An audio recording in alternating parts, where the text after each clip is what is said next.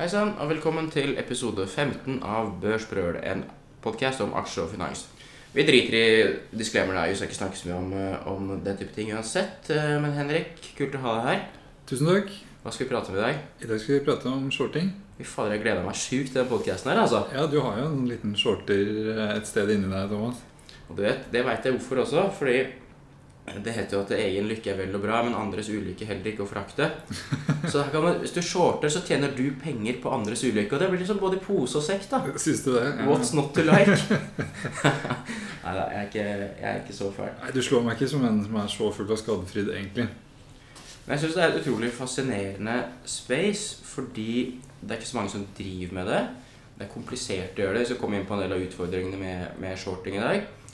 Eh, og så er det litt sånn der når du ser filmer som ja, The Big Short, som kanskje ikke handler om shorting, eller eller du ser film om Enron andre ting, så blir du litt gira ikke sant? på å finne selskaper som jukser, og, uh, og liksom avsløre de og, og få litt fame for det på et vis. da.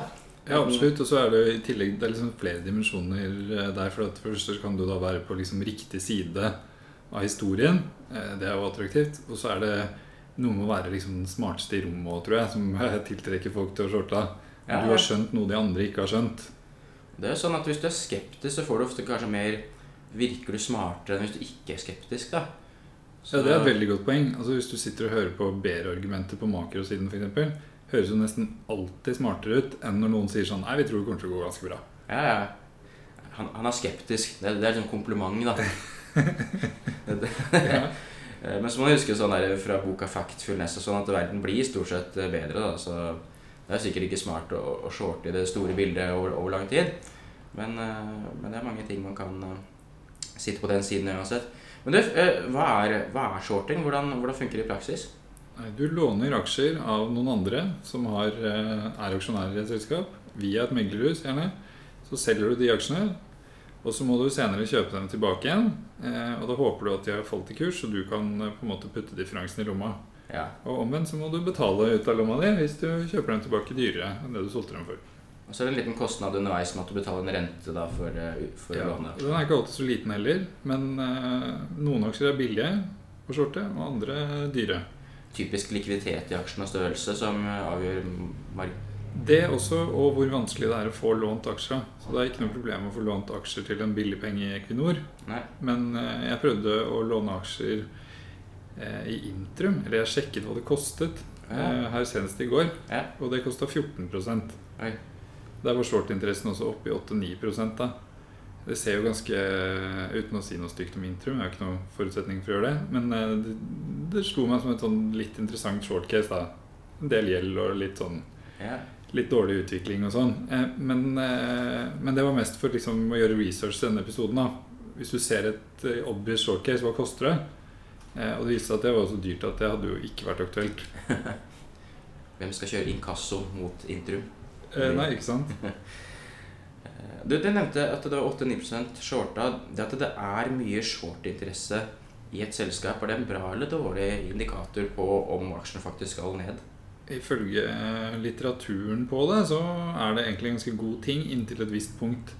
Sånn det jeg har lest, så, og her kan jeg arresteres hvis det er feil, men jeg tror det er sånn at uh, høy shortinteresse, si mellom 5 og 10 egentlig er et godt tegn for eh, at shorten din skal gå inn.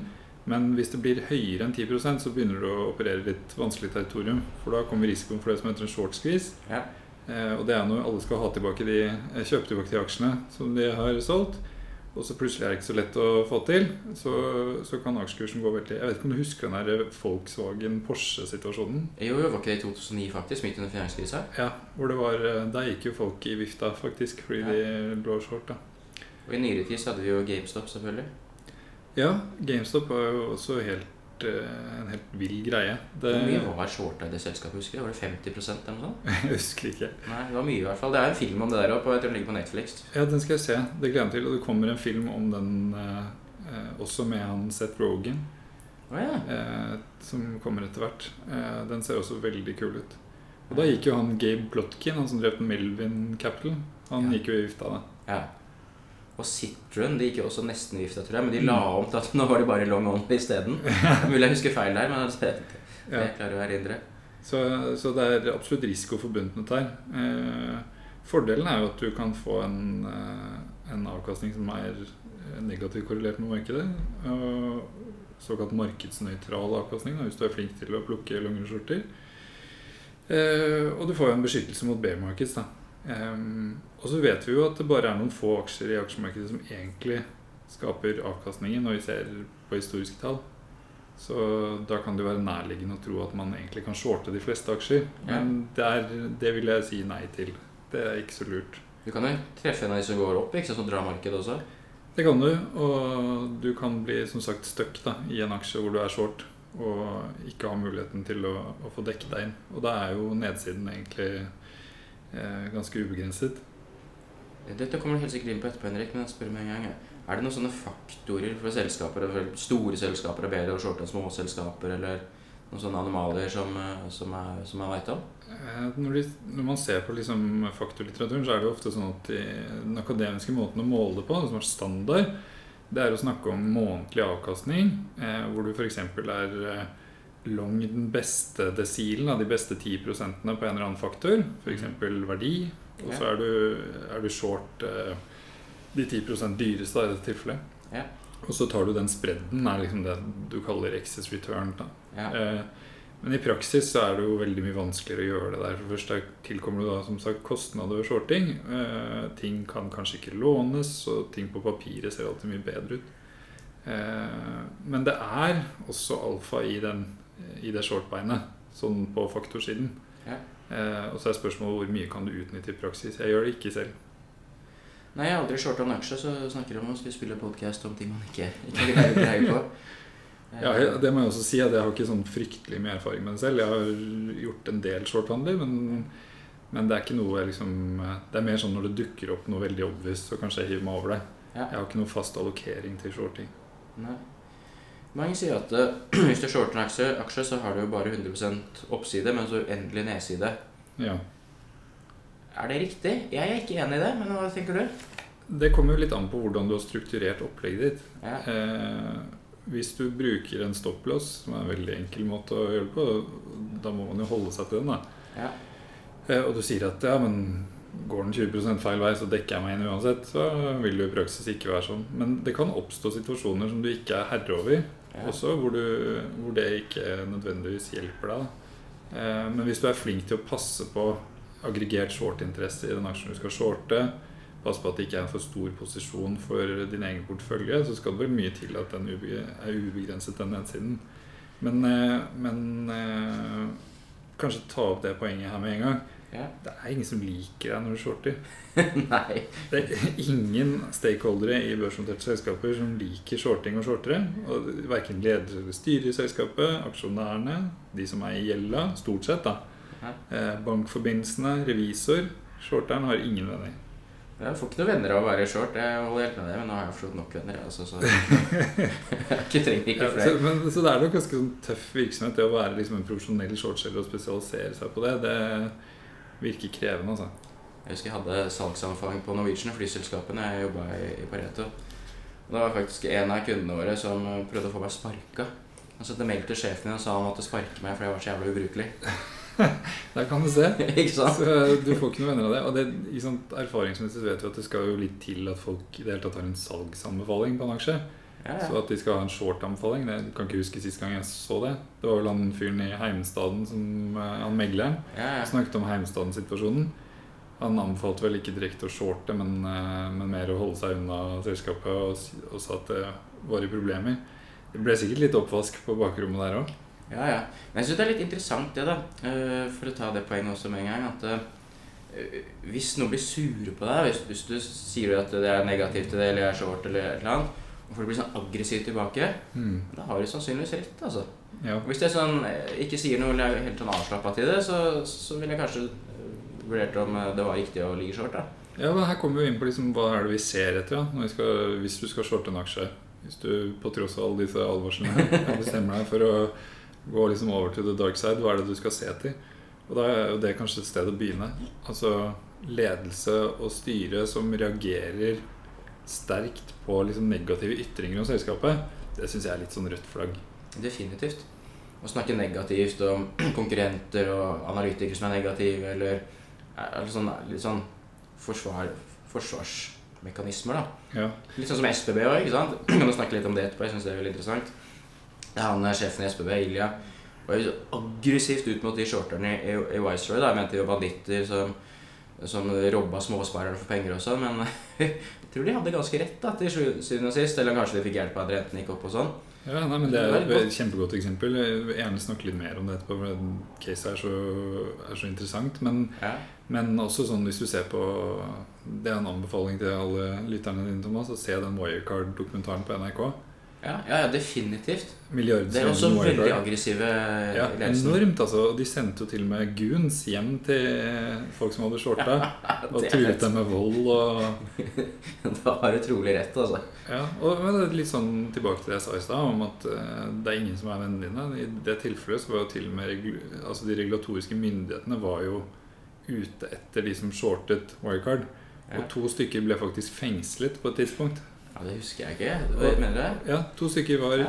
riktignok kort, men de var i varetekt for å ha uttalt seg defamatorisk da, om Wirecard. Så, så mm, det er en ensom kamp, virker det som. Ja. Du, Apropos sånne shortfilmer, har du sett uh, 'Betting on Zero'? Den har jeg ikke sett ennå. Eh, det er med Bill Ackman, om jeg ikke husker feil, som var short Uh, oh, ja, ja, er det den der-? Ja, det er den eh, når han klasjet med Carl Icahn. Ja, stemmer. Ja. Det var Carl som vant den til, til slutt, tror jeg. Men eh, Mm. ganske fet film, det også. fordi når du er shortselger, i hvert fall hvis du er litt sånn profilert, da, så må du være en aktivist på et vis også. Du må liksom jobbe caset ditt. Du må få ut sannheten, da, i, den grad du har det. Mm. De som overbeviste folk så var jo veldig sånn at prøvde å få kundene til Herbalife til å slutte å bruke det, mente å være en ponzi-scheme. og-? Du må liksom du må jobbe for penga dine. da Ja. ikke bare shorte og så lene deg tilbake. Hvis du er lang, så kan du bare kjøpe bra selskap, og så kan du se på det kursen neste, om ti år, og så er det sikkert gått ganske bra. da Men her må man også skyte inn at det fins jo også shortselgere som tyr til dirty triks. da. Ja, Eh, det fins jo eksempler på det òg. Folk som legger ut falske pressemeldinger f.eks. på Twitter om at et eller annet negativt har skjedd i et selskap, og så er de samtidig short. og...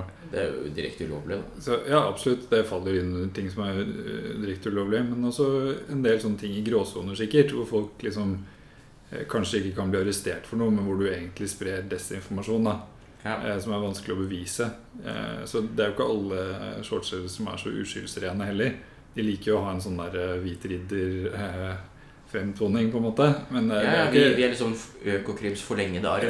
Vi Ja. jobber for de for å Ja. finne de som svindler og jukser. Så, så man må, kan jo ikke ta det helt sånn eh, for god fisk alltid. Men uh, det er klart at de kan jo også være Økokrims forlengede arv i noen tilfeller. De får, I Um, USA får du vel penger av ICC for å bidra til uh, å, avsløre svindel? Det kan godt være. Men, mener Eh, bestemt å gjøre det. altså. Jeg kommer til å nevne den podkasten her flere ganger, tror jeg. Men den som heter 'Zero by Way of a Hundred', som er Mhm. intervju med han John Hempton i Bronte Capital, oh, ja, den hørte jeg for et års tid siden, tror jeg. det tror jeg er en av tidenes beste podkaster. Og han har jo ved flere anledninger faktisk vært eh, på en måte eh, regulatoriske myndigheters forlengete arm, da, hvor han har liksom anmeldt selskaper til tilsynsmyndighetene i Australia og andre steder for ting som er sånn åpenbare lovbrudd. da. Ja. Men han gjør det bare da. Um, og, og der har det jo vært liksom eh, helt reelt at han har avdekket crime. da. Han var for øvrig også short Wirecard. Men det tjente han ikke noe penger på, for han begynte å shorte den i 2009. Litt før sin tid, ja. Ja, men Han skjønte da at det var svindel. Og det var jo ikke før i 2020 at dette gikk eh, eh, riktig vei, hvis du lå short. da. Ja. Så, og som han sier, det hjelper jo ikke så veldig mye om du shorter en aksje på 9 dollar eller 9 euro. da. Og så går den i 260, og så får du rett til slutt. Da er du på en måte ikke med til slutt likevel. Nei, da må du ta vare på posisjonen din, altså. Ja, Så det var det største tapet han noen gang hadde gått på, faktisk. Og han tjente ingenting på det, til tross for at han hadde helt rett hele tiden. Så det er frustrerende. Ja, det er sånn der saying, nå husker jeg ikke nøyaktig, men det å ha det å ha rett for tidlig eller ta feil, det er vanskelig å skille. Ja. Nei, så bare ferdig reklamering for den podkasten, så ligger den på en podkastserie som heter Risk of Ruin. Som er drevet av en gambler, tror jeg. Eh, som gjør veldig sånn mange kule intervjuer med både folk fra finans og fra, fra spillindustri og sånn. Jeg husker den godt. Mm. Den er dødskul. Han snakker mye om Tesla også. Og, eller, eller mer Elon Musk enn Tesla, da. Men Ja. uansett. Husker du hva han sa om Elon Musk? Det er veldig gøy. For han eh, snakket om at altså han, Det som er spesialiteten til John Hampton, da, det er å kartlegge svindlere over hele verden. Og det har han gjort i 20 år. Så han begynte med å abonnere på alle pennystokkletter som han kunne finne. Er Han abonnerer på over en million. De fleste av dem har sikkert lagt ned, men han har, mener han har over en million pennystock-letters i kortoteket sitt. Fantastisk. Eh, og så har han visse prinsipper da, som sier at hvis du er en svindler, så slutter du aldri å svindle. En gang en svindler, alltid en svindler. Mm. Og hvis du er venn med en som er svindler, så er du høyst sannsynlig også dirty. Ja. Så han kartlegger hele nettverk med folk, og så finner han ut hvor de har starta opp et nytt gruveselskap hvor de påstår at det er gull og sånn. Ja, ja. Eh, og så bruker han det da som et filter til, eh, til videre research.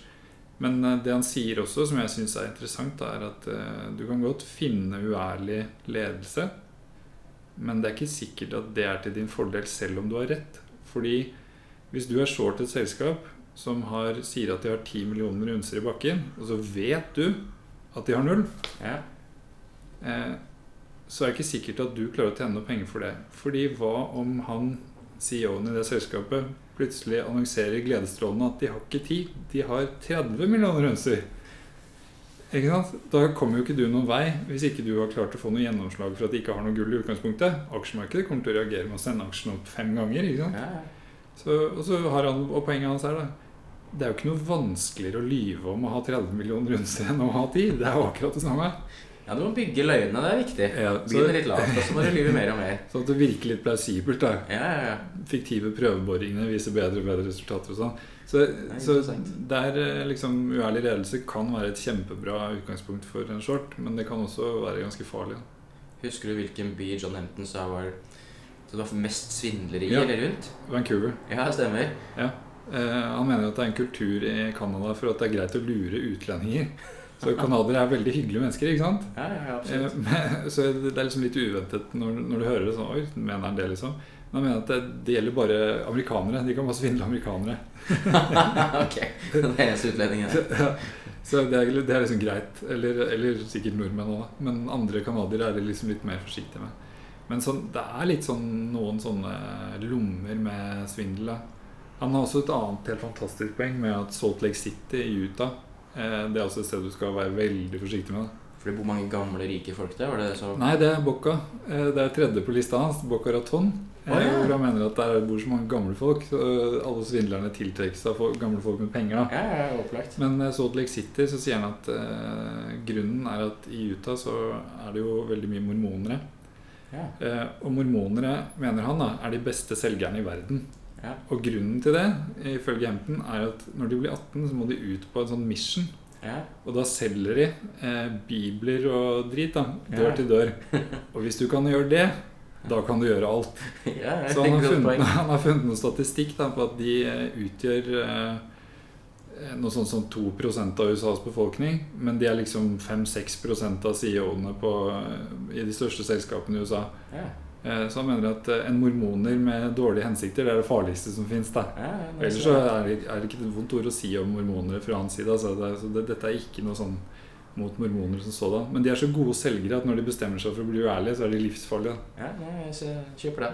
Ja, så, men nei, så kan man jo lure på litt sånn Oslo Børs har vel kanskje også hatt litt sånn broket rykte fra tid til annen. Eh, okay. ikke, ikke nødvendigvis med svindlere, men med litt sånn dårlig corporate governance og sånn.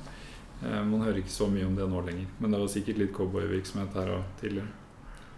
Jeg, hører noen ganger på svenske podcaster, og de omtaler ofte Norge liksom som virkelig cowboyer, og der blir man alltid lurt. og Ja. sånn, altså Kanskje vi sitter midt oppi det. ikke Ok, Så svenskene kaller oss luringer, mens vi kaller danskene luringer? Ja, men danskene er jo luringer.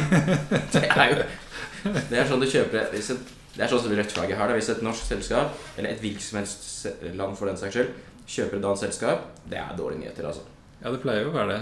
Så er det sånn, Jeg husker Datarespons kjøpte et eh, dansk selskap mange år siden. Da. En sånn earnout da, på tre år, og etter tre år hadde akkurat fått earnouten, så tror jeg alle slutta. Ja, ikke sant? en dansk journalist som ringte meg fordi jeg var analyst på Datarespons og fortalte meg det her. Men, Ja, jeg eh, lurer på om det er litt samme greia som canadierne. Er sånn, Dansker er jo kjempehyggelige folk. ikke sant? Jeg elsker danskere. er. Men man skal være kanskje litt forsiktig eh, hvis man kommer fra Norge med litt sånn mer naiv eh, business-etikk. Det er tøffe der, altså. Mye på eiendom og sånn. Altså. Så hvis du kjøper et bygg i Danmark, så kan du banne på at det er noe lekkasje i taket. eller sånn du ikke har fått med deg, altså. Ja, annen kultur, da. Så Ja. må passe på. Men, men, Samme. men kan ikke du snakke litt om Thomas? Du, dette er du veldig god på. Hvilke regnskapsmessige uregelmessigheter er det man kan se etter hvis du skal finne, finne et bra shortcase basert på det kvantitative? da? Ja, det er, det er kult å spørre om, fordi det har dere rett i at jeg er veldig interessert i. å først bare anbefale boka 'Financial Shenanigans', som tar for seg egentlig de ulike delene av regnskaper og hvordan selskapet kan manipulere det. Alt fra dette her med revenue recognition, altså hvor aggressivt du bokfører inntekter. For det er jo litt sånn litt løst under IFRS. er liksom the significant risk and reward should be transferred to the customer. da.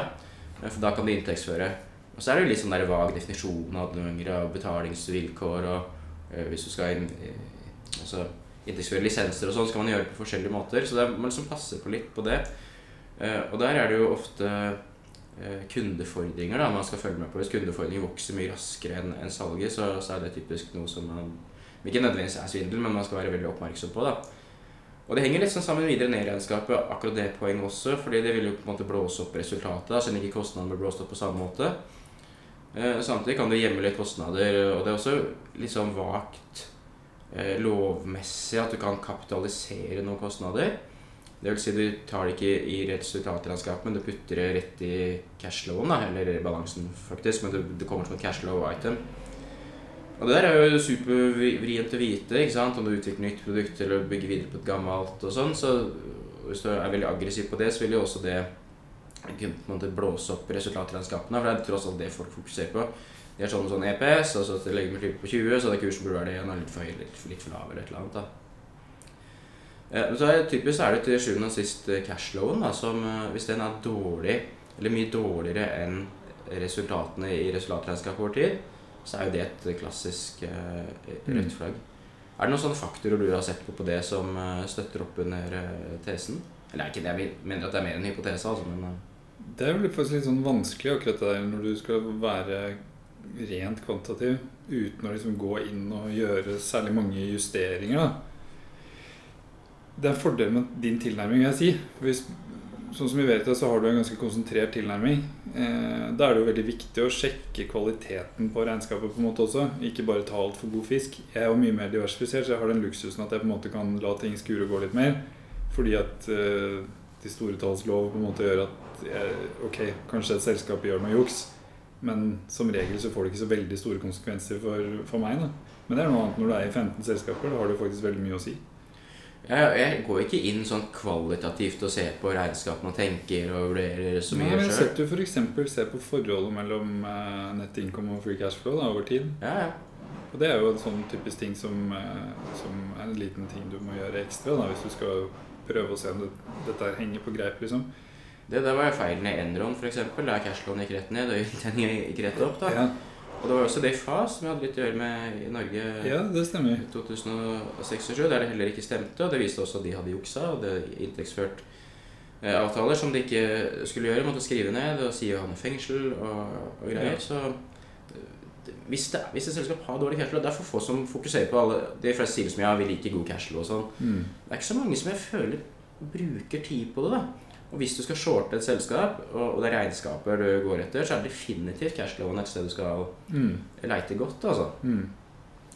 Og så er det jo sånn, eh, Hvis man tenker litt mer indirekte, så er det jo sånn at eh, nød skaper jo svindel, på en måte. Ja. Eh, så jeg tenker jo at tilbøyeligheten i et selskap til å drive med snusk øker jo jo mer distress det er. Eh, og det vil jo si, da, eh, i forlengelse av det argumentet, at hvis vi fokuserer på selskaper som vi er ganske overbevist om har høy kvalitet og solide bøker, liksom, så reduserer vi også risikoen for snusk, sånn alt annet like. Så altså, tenk deg selv hvis du er eh, CEO i et selskap, og så vet du at du er nødt til å refinansiere på et eller annet tidspunkt i løpet av det neste året. Og så har du en viss fleks på når den refinansieringen skal skje. Eh, og så tenker du at eh, eh, Ja, ok, til uka så starter vi prosessen. Ja. Da skal vi reise en eller annen form for enten equity eller bånd eller noe sånt. Mm. Men så går markedet rett til helvete denne uka. Etter han skjer i USA. Donald Trump har gjort noe gærent igjen. Eller noe. Og så åpner markedet opp 5% ned på mandag og 10% ned på tirsdag. Og så må du hente penger. Du vet det. Du har, ikke sant? Ja. Jeg tror at en del selskaper da faller for fristelsen til å eh, trikse og mikse litt. Ja, ja. Eh, kanskje skrive, ikke skrive ned en verdi for å unngå at eh, et eller annet breach av noen covenants skjer, eller se litt bedre ut når du skal hente de penga. Altså, jeg tipper at det er en del av dette vi ikke ser engang. Og at det er mer utbredt enn man skulle Eller man får inntrykk av. Så, så det er enda et godt argument for å liksom holde seg unna de der refinansieringssituasjonene og turnaround og de tingene der. Jeg tror risikoen for å gå på en smell er større da. Ja, og det er egentlig et godt poeng, fordi jeg tror hvis et selskap eh, er veldig opptatt av konsensus, f.eks., eller skal ha opprettholde en viss vekst, nå ser du på slutten av kvartalet at det går ikke helt, da. Det mangler noen millioner, og så, og så tenker du bare faen, den avtalen her skal vi signere neste uke hvis vi drar den inn i det kvartalet her isteden, da. Og så når du det. Og så er det jo ikke lov, ikke sant? Men så tenker de ja, men vi gjør ikke det neste kvartal, for at da blir, det- da blir det bedre igjen. Vi vet at vi har noen prosesser og sånn, så blir det greit, og så bare flytter vi litt derfra til dit. Så neste kvartal nå, da, så da har du allerede stjålet litt fra det kvartalet lagt i det forrige, da. Du begynner jo minus, ikke sant? Og, så ser du, og da må du liksom kanskje jukse da òg, da, for å, for å nå det. Og så må du liksom bare jukse mer og mer. Mm. Og det er ofte det man sier, at det er ikke at du gjør en feil som er den største feilen, det er cover-upen. Mm.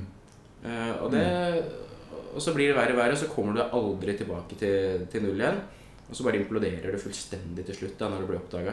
Ikke så ulikt med sånne her, eh, helt vanlige underslag i selskaper heller, egentlig. Jeg tipper det er litt den samme dynamikken ofte. Ja, ja. Jeg skal betale tilbake snart, eh, bare betale denne legeregninga eller noe. Og så, ja. så bare skjer det aldri.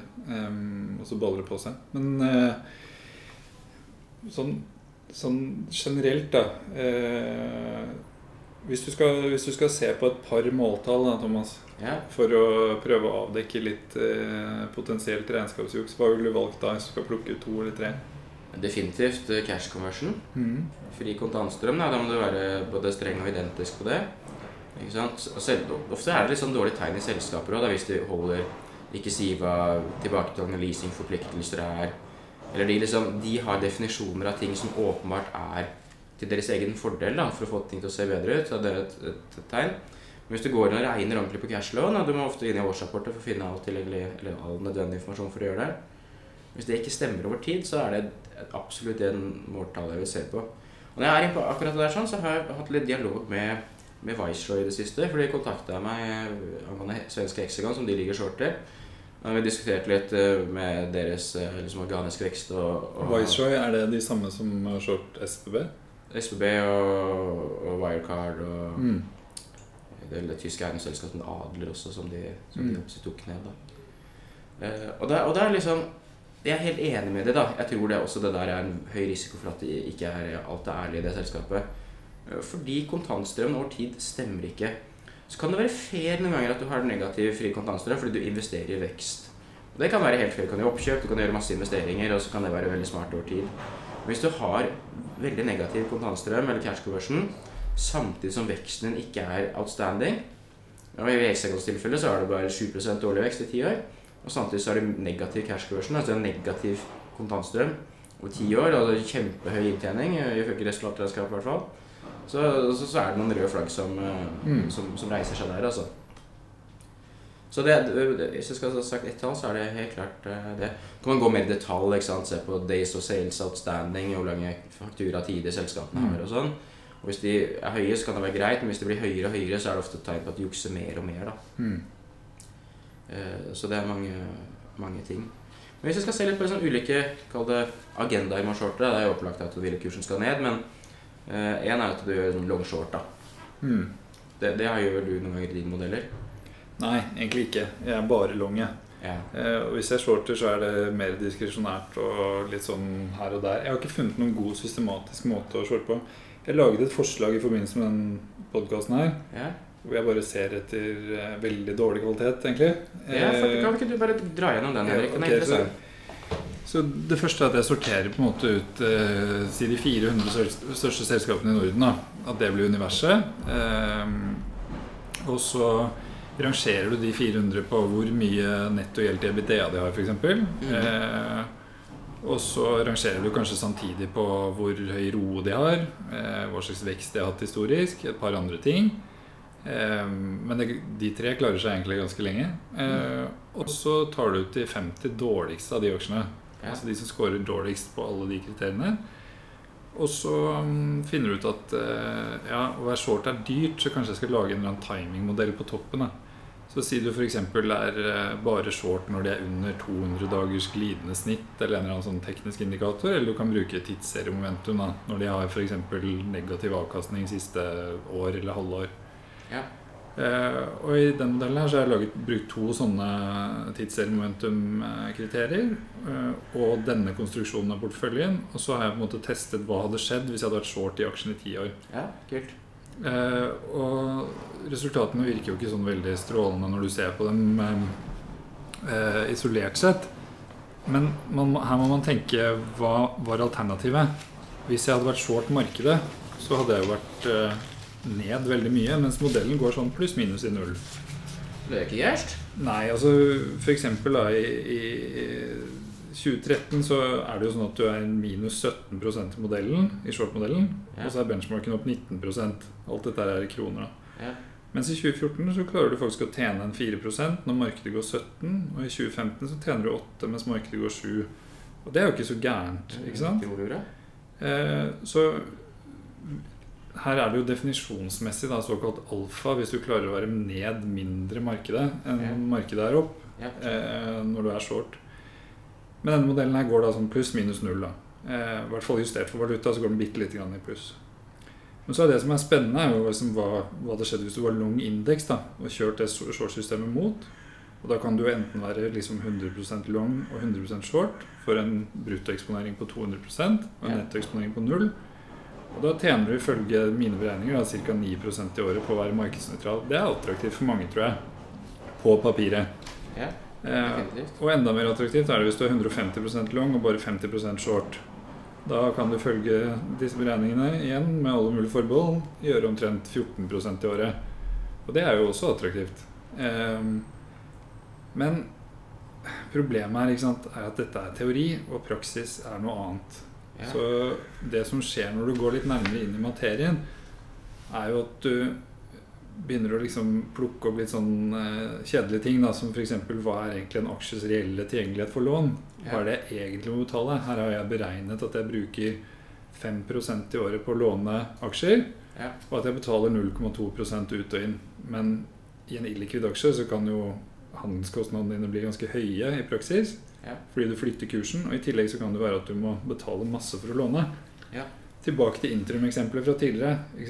Tjener du, må du betale 14 for å shorte en aksje, så er det ikke så spennende lenger. Og så har jeg plukket ut et eksempel fra den modellen som er liksom faktisk eh, Ikke faktisk, men en, en registrert handel i den backtesten. Mhm. Og det er da Midsona, eh, som er notert i Sverige, som systemet da velger å shorte i 2022. I januar 2022 så selger systemet Midsona, eller februar står det her. Og i oktober, nei, i november så dekker den igjen for en gevinst på 77,5% Det høres jo fantastisk ut. Aksjen faller fra 44 til 11 kroner. Yeah. Eh, og en liten konto kunne kanskje gjort den handelen i praksis, eh, men et fond av en viss størrelse kan jo da ikke gjøre det nødvendigvis, fordi at det viser seg at når du går inn og graver i det, så blir det omsatt kanskje 50 000-100 000 aksjer eh, av 44 kroner da, på én dag.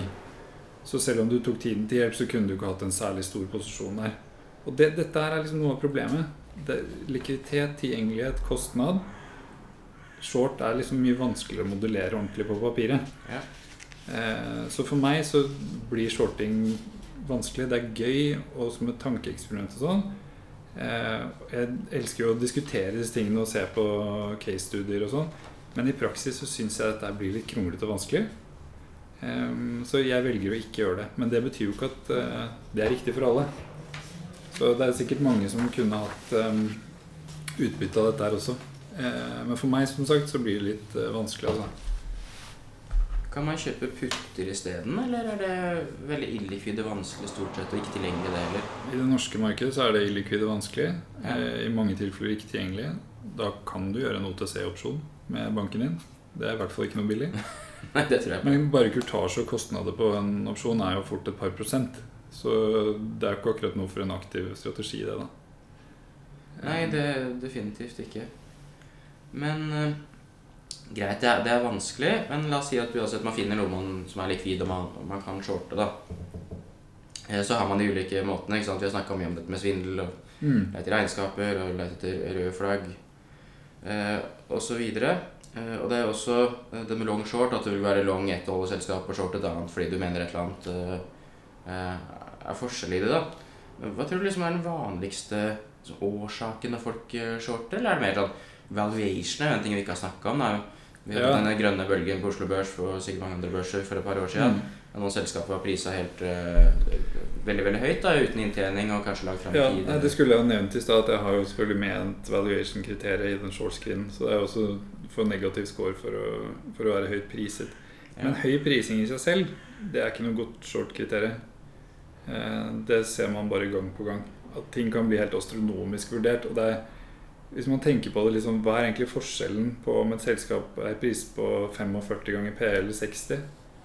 Jeg tror de som kjøper den aksjen, ikke bryr seg så mye uansett. Men for deg som er short, så kan det ha veldig mye å si. da Ja. Så valuation i seg selv er ikke noe godt short-kriterium, men det er klart at det også er med på å informere. da. Eh, og sånn fundamentalt så er det selvfølgelig viktig. Eh, men hvor lenge kan en feilprising vare? Det er sånn hvor, langt er en, hvor lang er en strikk? Ja. det. Og det er også den der at du kan Jeg husker det Tule, det selskapet i Sverige, ble jo ganske mye shorta, som jeg tror var helt riktig, og Mips også, for den saks skyld, som lager hjelmer. Mm. Ja, Og det var nok litt Jeg vet ikke hvem som har shorta det, eller det kan jeg finne ut, men eh, poenget er jo egentlig hvorfor gjorde de det. Jeg tipper de gjorde det fordi de så at det kom til å bli et vesentlig mindre salg da det markedet Mm. venta. Mm. Det er ikke noe svindel. altså Det er lov å, å selge mye ett år og lite et annet år. Det er ikke noe mm. svindel i det. Men bare man så noe markedet ikke så, da. At eh, man prisa at det skulle vokse videre, men det var faktisk kjøpt Alle hadde, alle hadde skibokser og sykler og hva det måtte være, så det var ikke noe mer etterspørsel en stund. da. Nei, det er liksom eh, Hvis vi skal oppsummere da hva er det du skal se etter i et shortcase, så Ja. er kanskje det nummer én. Hva er det som er din edge? Hva er det du har skjønt som markedet ikke har skjønt? Ja. Det kan jo være en sånn ting. Eh, og så vil jeg da si se etter svake nøkkeltall over tid. Regnskapsmessig røde flagg. Urimelig høy prising og fallhøyde. Det liker man hvis man skal skjorte. Ja. Og så har vi dette med inkompetent og uærlig ledelse. Eh, som eh, jo er et bra signal, men ikke nødvendigvis positivt for en shorter, som sagt. Eh, En annen ting som vi ikke har snakket om, er regulatorisk risiko. Altså juridiske endringer som gjør at selskapet plutselig kommer i en helt ny situasjon. Det er også sånn som eh, kanskje ikke markedet alltid får med seg med en gang. Eh, og det kan være EU-direktiver eller det kan være det ene og det andre. Altså, hvis det er en vinner pga. et EU-direktiv, f.eks. at vi skal redusere utslipp, så kan du banne på at det er en taper et eller annet sted òg. Ja, ja, ja. Så det kan være lurt å, å se etter det. Og ellers er det jo dette her som Og det fordrer på en måte en god del mer bransjekunnskap, da. Eh, Du ser jo flinke investorer bruke dette til sin fordel på langsiden ofte. Og det er forståelse av tilbuds- og etterspørselsdynamikken i et eller annet marked. da. Kan ta et eksempel eksempel fra seismikk. da Ja. hvor, eh, hvor noen eh, Hvor da f.eks. Åshild Tveitereid, som åpenbart kan TGS, Ja. eh, og er flink til å time inngang og utgang i TGS fordi han kan seismikkmarkedet, Ja. eh, er flink til å gjøre det på langsiden. Ja. Og så er det jo også kanskje et tegn på at, eh, eh, på at TGS er det beste selskapet når man velger å være der, og ikke i PGS. Ja. og da ser man at liksom aksjeblokking har faktisk noe å si. Sektorbets ikke alltid er veien å gå, men, men det var ikke poenget, på en måte poenget. Men det er også kanskje sånn Hvis vi skal sette opp et eksempel på en naturlig long short, så hadde det kanskje vært long TGS og short PGS. da eh, Hvis du er redd for syklisk risiko, f.eks. Ja. Um, okay, Jeg tror det kan ha mye for seg. fordi veldig mange, Ofte så føler jeg folk vil kjøpe det nest beste eller tredje beste eller kanskje det, det dårligste selskapet i en sektor. da. Det har jeg slutta med. Ja, ja, ja, det, jeg, jeg har jo vært borti det, ja, men det er lenge siden nå. Det er sånn litt gøy, da, så, så, så ser du på noen grafer der den ene kursen har gått opp masse, den andre har gått ganske flat. Ja. Så kjøper du den, og så skal den haikjeften lukke seg. da. Mm. Det tror jeg er en jævla dårlig strategi. altså. For jeg tror det, er, det der, det går noen ganger den veien også, men over tid så tror jeg liksom gode selskap kommer til å dra fra de som er middels og, og Ja, dårlige. jeg holdt mye mer på med det der tidlig i karrieren. Jeg skulle finne liksom billige nummer to som skulle ta igjen nummer én. Sånn. Eh, og så var det alltid eh, gode grunner til at det enten gikk dritsakte eller ikke gikk i det hele tatt. Ja. Så jeg lærte av det etter hvert og slutta med det. Men, eh, men det, er, sant? det er igjen dette ønsket om å være den smarteste i rommet, som jeg tror mange shortere lider av. Ja. til deres liksom ufordel til tider. Ja. Det sliter man jo med på langsiden nå. Det er jo veldig tilfredsstillende å ha skjønt noe som ikke andre har skjønt. Men det er ikke sikkert det er den beste måten å tjene penger på. Nei, nei. Det var notert noen poenger som jeg tenkte jeg skulle ta opp, som jeg ble tipsa om. og litt sånn, og det, eh, Når det kanskje kommer det sånne shortrapporter da, fra type Weisshow eller Hindenburg eller noe sånt Hvis det kommer en sånn rapport, er det for, er det for, og den blir sluppet, er det for seint å shorte da? Det tror jeg er veldig vanskelig å svare kategorisk ja eller nei på, men eh, i mange tilfeller så- tror jeg svaret er nei. Jeg er helt enig. Ofte så er det Du har en sånn fanklubb av selskapene, og herregud, de ondskapsfulle shorterne og skal gå i forsvar for selskapet da, og kjøper aksjer og sånn. Som gjør at kursen ikke faller så mye som man kanskje burde gjort da, hvis det var ny Mm. Om ikke ny informasjon, så i hvert fall en ny måte å fremstille informasjon på. da. Eh, Så jeg tror ofte kan man Og litt sånn med Var det Hempton eh, nevnte i stad med Wirecard òg. Ja, ja. Kanskje kan du liksom vente til de faktisk de dårlige nyhetene kommer ut, da, så kan du shorte det. Altså da, ja, men da veit alle det. Jeg tror kanskje likevel Jeg har ikke noe statistikk på det her, altså. Det er altså, ingen investeringspodkast uten å sitere Warren Buffett. Han Nei. sier jo at det er aldri bare én kakerlakk. Nei, nei, nei. Så, så det gjelder nok også de, de short-casene der. Det er morsomt du nevnte Buffett, for han inviterte jo jeg husker ikke hvem, men inviterte jo en som hadde shorta Berkshire Hathaway for å delta på generalforsamling. Jeg lurer på om det kan ha vært rundt ti år siden. og sånn. Mm. Men tenker Hvis jeg var short- et selskap, da jeg ble invitert på generalforsamling for å fortelle om hvorfor jeg må være short, da Da ville jeg blitt stressa. Altså. Da tror jeg nesten ville dekket meg inn. Det er tegn på god selvtillit. vet du. Ja, ja, ja. Det er jo måten å håndtere det på også. Ja, ja. Hvis du har lyst til å være åpen og transparent og sånn, og ikke har noe å skjule, så skader jo ikke det. Nei. Men hvis du istedenfor skjeller han ut og kaller han kriminell, så er det kanskje du som egentlig har noe å skjule. Det, jeg tror, jeg tror ofte det er sånn. Ja. Eh, Så, nei, så Siste poeng da med, med shorting er kanskje det at uh, det går an å Jeg tror det er litt sånn viktig å ha realistiske forventninger til hva du kan klare å oppnå. Eh, liksom. Du hører om disse juicy historiene hvor folk tjener hundrevis av prosent, sånn, gjerne med derivater. da Ellers så blir det jo fort bare 100 minus kostnader. Men, men eh, jeg tror på en måte at hvis du klarer å skape en eller annen form for eh, alfa med shorting, så er du ganske flink. Og hvis du klarer å få positiv avkastning over, over tid, så er du veldig flink. Jeg tenkte bare det du sa, det 100 nedside. Jeg er ikke helt enig i det. For jeg mener at hvis du skal shorte, så må du ikke investere noe, egentlig. Du må stille kanskje en konto med, med, margin. sånn, ja. Sånn at jeg kan godt shorte aksjer for 10 millioner kroner. da Mm. Hvis jeg kanskje setter et eller annet beløp i banken som sikkerhet Mm. for det, så kan de selvfølgelig tvangsinnløse meg inn Mm. når de måtte ønske det. Ja, så kanskje aksjen faller, da, sånn at det plutselig så er det 20, 20 millioner. da Mm. Da tenker jeg at jeg har tjent mer, enn 100 da, hvis jeg da liksom de to millionene du har satt i banken. Nå tar jeg bare tallet ut av lufta. da At, eh, at derfor er det er ikke helt enig i det argumentet. Men så- eh, da må du kanskje regne med en tapt alternativ avkastning på de 10 millionene nå, hvis du skal være helt korrekt. Men de 10 millionene får jeg jo, så de kan jeg investere noe annet igjen. da Ja, så Forutsatt at du har gjort det, så kan jeg skjønne poenget ditt. Ja, ja jeg er enig. Hmm. Men uh... Det er jo en annen ting her, også en praktisk ting. At hvis du er short nå, så er det jo veldig greit å ikke være short aksjer som betaler store utbytter. For da er det et ytterligere utlegg for deg. Ja, ja, ja, absolutt. Og så kan du bli tilbakekalt også, på, sikkert på kjipe tidspunkter. Ja, det skjer sikkert akkurat når du minst eh, trenger det. Og det er jo ikke da gitt at du finner en annen utlåner. Altså Megleren din kommer til å gjøre sitt beste for å finne en alternativ utlåner til deg, men de kan ikke garantere det. Apropos det, Henrik. Låner du ut aksjer? Ja, altså, jeg, jeg vet ikke hvorfor ingen vil låne aksjer, jeg. Men, men nå tror jeg jeg har 80 forskjellige aksjer. Ja. Og jeg tror ikke jeg har fått én krone på utlån av de foreløpig. Vi lånte ut før, men så slutta vi med det fordi det ble bare så jævla mye styr. Mm. Det ble mye kostnader, og, og, og vi tjente ikke så mye på det. Vi tjente liksom noen, noen titusener eh, liksom på et fond med mange hundre millioner. Da, og så var det liksom Det var ikke verdt det, da. Nei, i prinsippet så, så skal vi jo bare gjøre det hvis det er noen som vil låne av oss. Så er DNB som vi bruker, da, hjertelig velkommen til å låne ut aksjer eh, hos oss. Men eh, tydeligvis er det ikke så mange som har lyst til å shorte de tingene jeg jo, Det kanskje er godt, det. Ka- Kanskje det. Nei, jeg, jeg ville liksom, Hvis jeg hadde vært privat, så hadde jeg anbefalt å låne ut aksjer. Hvis du ikke har tenkt å selge dem. Ja, Det er jo ikke? både opplagt inntekt å kunne få, da, en Ja. prosent hvis du får til. Med mindre, altså Jeg husker ikke om du har Om du kanskje mister stemmeretten din. Hvis du er, er det, hvordan er reglementet på det? Skal jeg være helt ærlig, Ja. driter jeg ja. ja. ja, det er fair, det òg. ja, nei, men er det noe mer du vil ta med, Thomas? Eh, nei, vi fikk jo litt sånn tips. eller hadde på Twitter, eller X som det heter nå. Det er, jeg tror jeg har vært innom mye av det. Så nakenshorting trenger vi kanskje ikke snakke så mye om. Eh, hvem sitter på andre siden? Det er jo for så vidt eh, interessant, det. da. Det er et veldig godt eh, spørsmål å stille seg selv før du shorter. ja, Hvem er det som er på andre hvem er siden? motparten? Ja, Ja. ta en titt på aksjonærlista der. Ja, Hvis du har lyst til å shorte TGS, gå inn på lista og se om du har lyst til å shorte etter å ha lest den. ja. ja. Jeg er enig, godt poeng. Eller andre aksjer, liksom. Det, er, det kan være informativt, det.